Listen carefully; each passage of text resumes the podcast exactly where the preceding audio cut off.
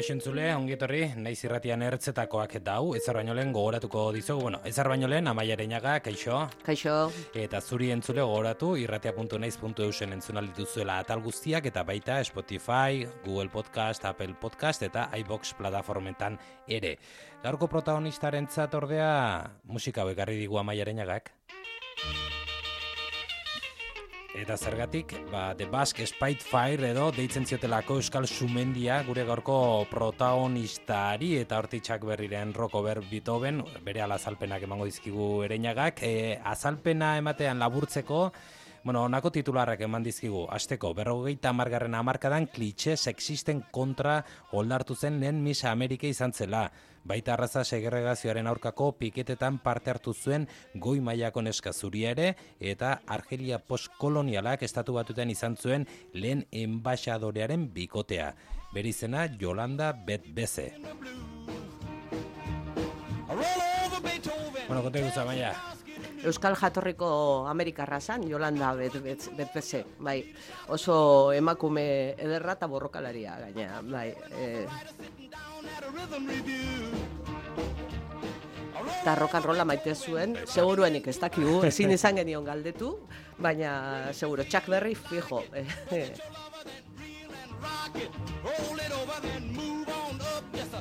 Kanta honetan gaina e, Chuck Berryk e, rock over Beethoven, kanta honetan esaten zuen, aipatzen zuen, ba hori, kompositori klasikoa bereien hilobeitan muitu zirela eta ba hori, rock and roll musika klasikoa ordezkatuko zuenian eta hori ez. Eta bueno, garai berriak zian baita ere, Yolanda Betbeze e, ezautu zituenean, Yolanda Fox eta Yolanda Betbeze bezala e, ezaguna da, izen biak erabili zituen. Eh?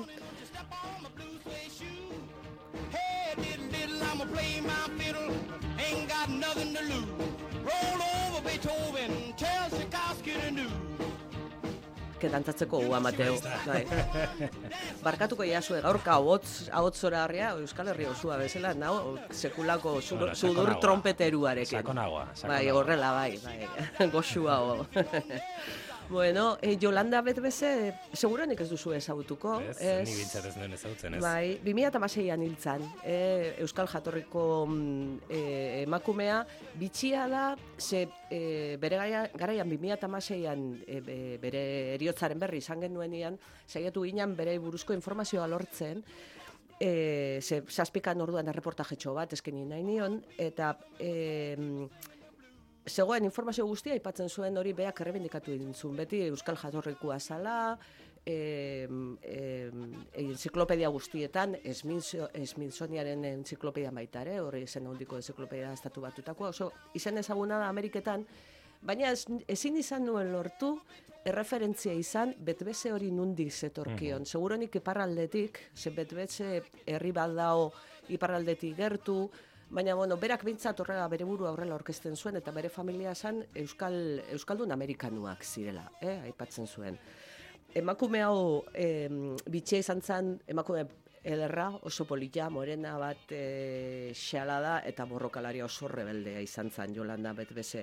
Nahi baldin baduzue, bidatutxu e, bere buruzko biografia aipatu aurretik, bera, e, hori Euskaldun e, e, sustraioiek errebindikatu zituela, hori aipatu dizuena, Smithsonian Institutuak de Basque Spitfire e, aipatzen zuelako, beti e, Euskaldun jatorrikoa, eta hundi hori, eta Miss Amerika akatu zuen emakume bezala, definitzen duelako, oza, Miss Amerikarekin bukatu zuen emakumea, e, World Heritage Encyclopedian e, e, fitxa bat eskaintzen dio, Hau da, e, interneten e, enziklopediarik, munduan dago enziklopediarik handiena, referentzia gehien duena, eta bera horrela agertzen da fitxa horretan, World Heritage enziklopedian.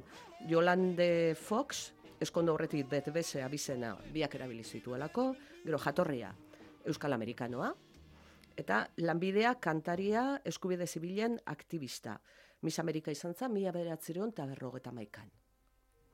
Hau, Jolanda, e, mila bederatzion eta hogeta sortzian, e, mila bederatzion eta hogeta sortzeko azaroaren hogeta sortzian jaio zen. Hau da, etzi, laro eta amaika urte beteko zitun.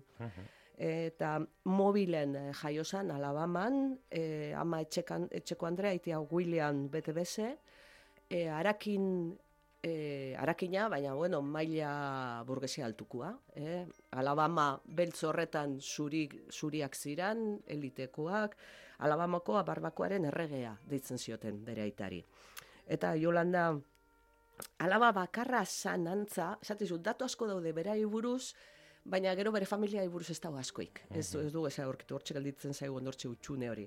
Eta, bueno, unibertsitatera juntzan, e, familia honeko egoaldeko anderino bat izan zan, behametza esan, beak nahi zuen e, opera kantaria izatea. E, eta mila bedatzen eta berrogeta marrean, e, gurasoa kantzea zioten dirurik ematen, ero laguntzen betzate karrera iteko, eta orduan e, beak zeintzun, ba hori, misa laban mara orkestu, baita irabazi ere, eta gero Miss Amerikara orkestu intzan eta e, antxe ba, epai guzti, epaile guztien aurrean Rigoletoaren aria kantatu zuen eta bueno, Neska Morena ura hain gaina emakume kultoa san, ba e, e, Miss Amerika izendatu zuten, mila behatzeun eta berrogeta maikako Miss Amerika lehiaketa hartan. E, berarekin pare gauza bukatu zean. Hau da, er, iles hori mm, tuntune markan azatela, ni ere hori, hile hori nao, baina hile horien garaia bukatu zan, zel, izan zan lehenengo Miss Amerika beltzarana, son eska, mm, gaina azala beltzarana zuen, mm -hmm. bueno, bakizu euskaldu e, azal erodi beltzaran eta hile ilunak eta begi ilunak zituen baita ere. Hogeta, hogeta iru urte zituen. Eta izan zan baita ere, lehenengo Miss Amerika, e, traje bainuan, desfilerik, e, bueno, esan zuen zuen letra, e, baino jantzian desfilerik ingo, bat bakarra intzun, interneten zintzilikatuta dagoen horko esmin zueneko artxibo horretan agertzen da hortxe e, e, baino jantziarekin pase txiki bat egiten, baina gero beak esan zuen, bea, etzala tuntuna, ni opera kantaria naiz, ez, da, ez naiz pin-up bat, eta orduan sekulako polemika eta eskandalo sortu zan, ze, bueno, e, bere salde bat elkarrizketa batean aipatu zuen, ze pentsa Miss Amerikak izan zuen, zura traje baino e, ateako, eta behatzala tuntun bat, esan zuen esko, ba, e, literalki, eskopeta bat buruan jarriko bat duten ere, ez nuke berriz jantziko traje bainoa, publikoan esaltzeko. Bueno, edabidetan, oi hartzun izugarria, izango zen noski, ez dakit onerako, otxarrerako gehiago izango Onerako, onerako, bai. Bueno, eta horretan, eh, aipatzen zen igun, eh, arratza segregazioaren aurka egoteak ere eh, ziola lagunduko, eta Nina Simon eh, goratu dizu. Bai, ze Nina Simonek ere eh, kantari amerikarra, eh, antzeko ibil, bueno, ibilbidea, Jolandaren asko ze mm, errezaua izan zen, emakume zuri bat izan zen, Nina Simonek sekulakoa pasatu zituen. Eta Nina Simonek beste, merezi du beste ertzetako bat, eh? Bere bai, jo beste bat. Bueno, bak irotzeko ekarri diguzuna, Mississippi Goddam, eh, kasu honetan, Nina Simonen ahotxean, kanta esanguratsu eta borrokatzaia. Can't you feel it? It's all in the air. I can't stand the pressure much longer. Somebody say a prayer. Alabama's gotten me so upset. Tennessee made me lose my rest. And everybody knows about Mississippi. Goddamn. This is a show tune, but the show hasn't been written for it yet.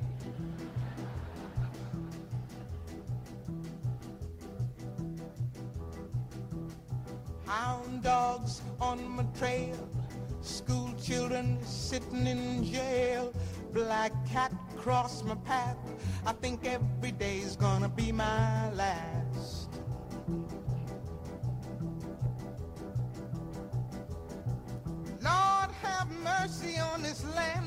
Pena ematen du eteteak, baina konta eguzu bai. Bai, Mississippi gordan, on, e, nina Simonek ordu betean bakarrik idatzi zuen, oso kanta, kanta protesta, bueno, bere kanta protestarik esaguratzuena, aurten kongresuko liburutegiak babes berezia mandion kanta honi, gaina e, balio, bere balio kultural, historiko eta estetikoatik gorde beharreko kanta bezala e, kontsideratu du. Eh? Eta kantak badu bere historia, ze e, mila beratzeun eta irugeta iruan, Mississippin eh, Medgar Evers e, estatua batuar aktivista akatu zuten, urte berian Birminghamen Alabaman Elisa Batista baten aurkako atentatu batean lau aur e, akatu zituzten, eta orduan Nina Simone, Nina San oso emakume komprometitua baita ere, e, kanta hau idatzi zuen esate dizudan bezala ordu betean, Eta bitxia da ze, doinu alaiekin e, kantatzeu, baina letra, politikaz, letra politikoa da era bat. Eta kantatzeu dena zea da, Alabamako gogaitu eten nahi, hainbeste tenesi katxe denak enduit, eta denok Mississippi ze pasa ez, historia kontatzen nahi da. Eta jarraian, mantxo joan gaitezela esaten digute, gauzak pixkanak egiteak zori gaiztua ekarriko digu, ez alza konturatzen, zaitik ez duzu sentitzen, ez dakit bakarrik nire onduan bizi behar duzu ez, eta nahi dudan bakarra nire berdintasuna da aldarrikatzeo.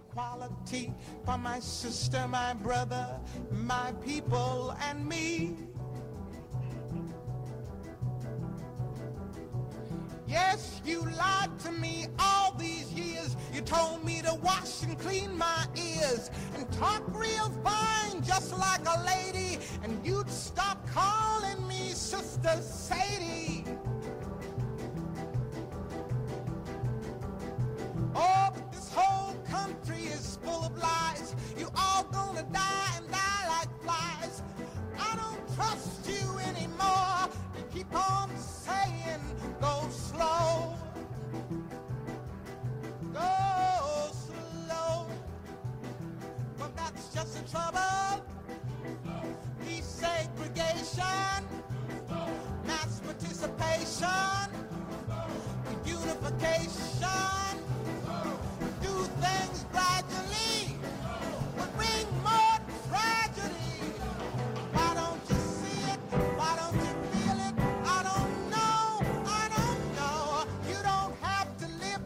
To me. Just give me my equality.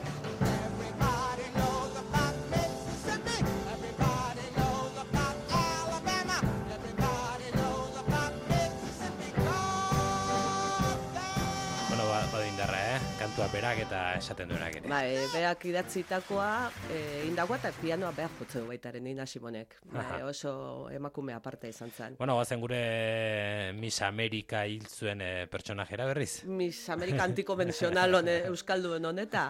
E, beak Zango elkarrizketa... eh? Han ere bai. Euskalduna aldarre besten. Bai, bai, bai, bai. Gaina bitxia da, hori bere familia hori, Alabaman Euskaldun askoik nidak idan ez behintzat e, ez daukagu referentziaik, eta gero hori emakume zuri dotorea, bat, m- maila altukoa, eta bueno, olakoa zan, aitak demokratekin erlazioa handia zeukan, Mhm. eta beak aipatzen zuenez, de Washington Posten, elkarrizketa asko izizkioten, por cierto, eh, aurkituko dituzu referentzia asko bereak, Beak aipatzen zuen elkarrizketa horretan, koroak bere burua ikutu zuen momentutik arazoa besteik ez zitula izan.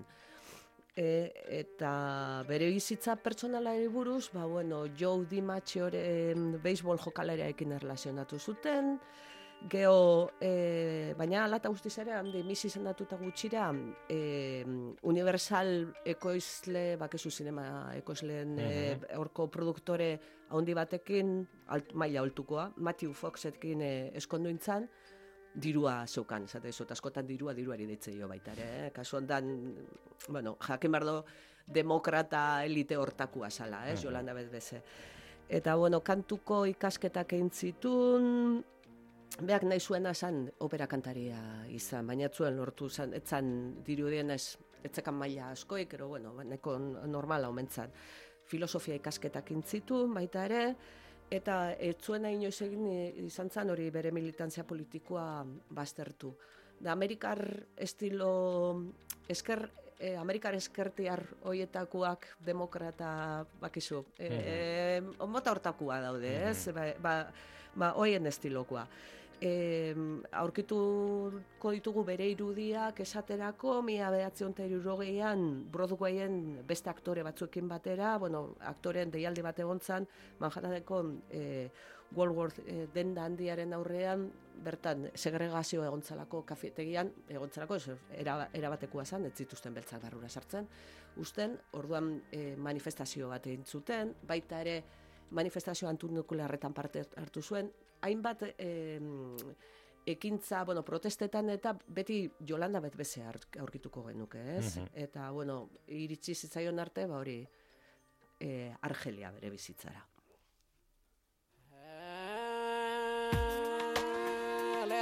Zango diguzu zerretik, Algeria iraultzaia, gertu zaigulako bapatean hemen historio honetan, eta proposatu diguzu txeike harri miti ikartzea gurera, kantari mitikoa, e, Janiel Hop kantarekin, zungo pixka bat.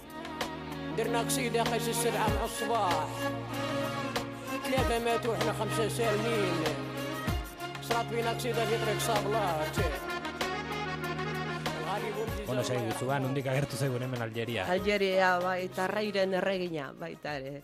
E, Algeria, e, ba, e, bapatean, e, Jolandari irurogeta lauan zenarra hil zitzaion. E, eta aur txiki bat zuela Jolanda, ba, bueno, ba, bakarri gelditu zen, eta aranun ezautu zuen e, Algeriar e, iraultzaile bat, oso tipo ezaguna baitare eta oso berezia baitare. Xerik Jelal izeneko Argeliar e, iraultzailea guruzatu zen bere bizitzan, ez?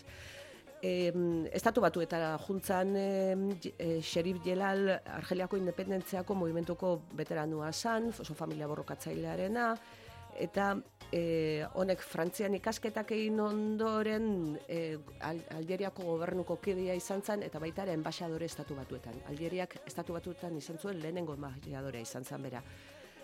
E, ezaguna da bera e, bere ibilbidea gati baita ere, eta gero batez ere esaldi badu oso ezaguna laro eta ui barkatu, irurok eta lauan Georgetown Universidadian e, bota zuen e, salde famatua da nahiago dugu gure lurraldea lurraldeko jabea izan eta ez potentzia handien kide ero sozio txikia izatea.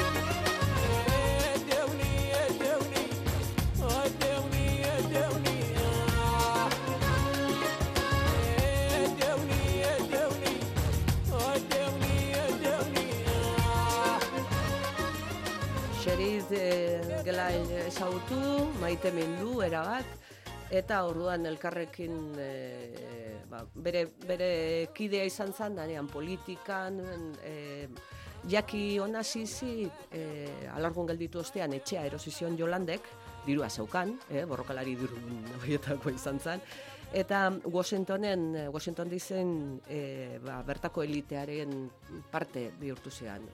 Bertako aldizkarietan eta gara hartako irudi asko daude biak elkarrekin ba, e, elite politiko demokratarekin, eta, bueno, e, sei eguneko gerra iritsi arte, iritsi zen arte. Orduan, estatu batuet eta Algeriaren arteko erlazioak hautzin ziren, eta e, gelai alata guztiz ere etzuen, etzan Ameriketatik e, jun, bere herrialderen horrezkari bezala gelditu zen, baita ere petroleoko negozioen e, bitartekari bezala, baita ere, eta, bueno, e, bikoteatzen sekula eskondu, baina e, elkarken egon ziren e, xerit gelail elkar, e, hila arte, hau Algerian hil zan, 2009an, eta, bueno, maitasuneko historia poli bat e, auki omen zuten, bi, gaina bi kultura hain ezberdinetatik etorreta gure Euskaldun Amerikarra horrelakoa zen.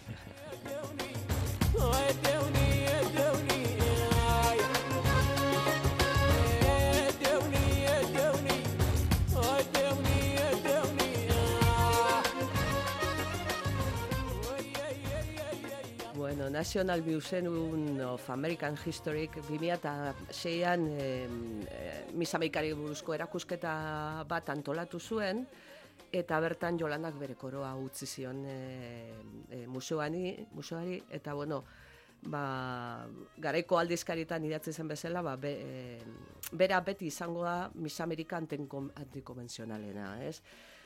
Geo, Smithsonian e, aldizkariak baita ere, e, hainbat horri alde esken izizkion orduan, esate izut, e, berroeta margarren amarkan, e, ospetsua izan zen, baina gero, beti eutzi zion, bai, interesa zeukan ze oso ondo itzeiten zuen emakumea zan baita ere, ez zuen bildurrik e, ba, manifestazio eta juteko, eta atxilotu izateko, eta gero hain ederra esan, eta gero hain ba, deklaraziok oso bero bilakiten zitun baita ere, Bueno, eta berrogeita amarko amarka horretan izugarrizko kolpea jo zuela, mai Bai, bai, bai, bai, bai. Eta gero, bueno... ko- Aztuko luzea. eh, luzea da, Miss. Amerika tuntun hoien ba. bukatu intzan, eh, bereekin. Eta, bueno, Smithsonian e, iz, e, aldizkariak e, ba, e, definitzen zuen baita ere, ba, hori, bere begirada euskaldun eksotikoa baita ere, hori aipatu iten zuen, ez? Jolanda betebeze 2006ko otzailaren hogeta bian hiltzen, laro eta saspi urte zituela, eta e, bertako komunikabide guztietan obi- obituario aintzioten, eta Barack Obama, orduko e, presidenteak gutun personala bidali zion e, bea hil aurretik gaixori zegoela jakin zuenean. Bueno, eta amaitzeko ekarri diguzun proposamena, e, diozu Jolanda bedeze bizirik egon ezkero ziur aski gustoko izango zuela, kanta hau, Seguro. Beyoncéren e, Who Run the World edo nork menderatzen edo gidatzen du mundua, esango genuke, e, kanta horretan amaia erantzuten dio Beyoncék ber- berak e, nork menderatzen du mundua emakumea. Emakumeak. Kanta ikonikoa. Hoxe da, bai. Seguro Jolandari asko gustatuko zitzaion. Bueno, ba, oroin bone, honekin goreko gu. Vale, eso no. Bueno, horrengo arte mi esker amaia. Zuri, Aio, agur. zuri ere goratu, eh, irratia.naiz.eusen eta podcast plataformetan topatuko zu, duzuela, ertzetako podcast hau, amaia erinagak astero ekartzen digun ondo izan.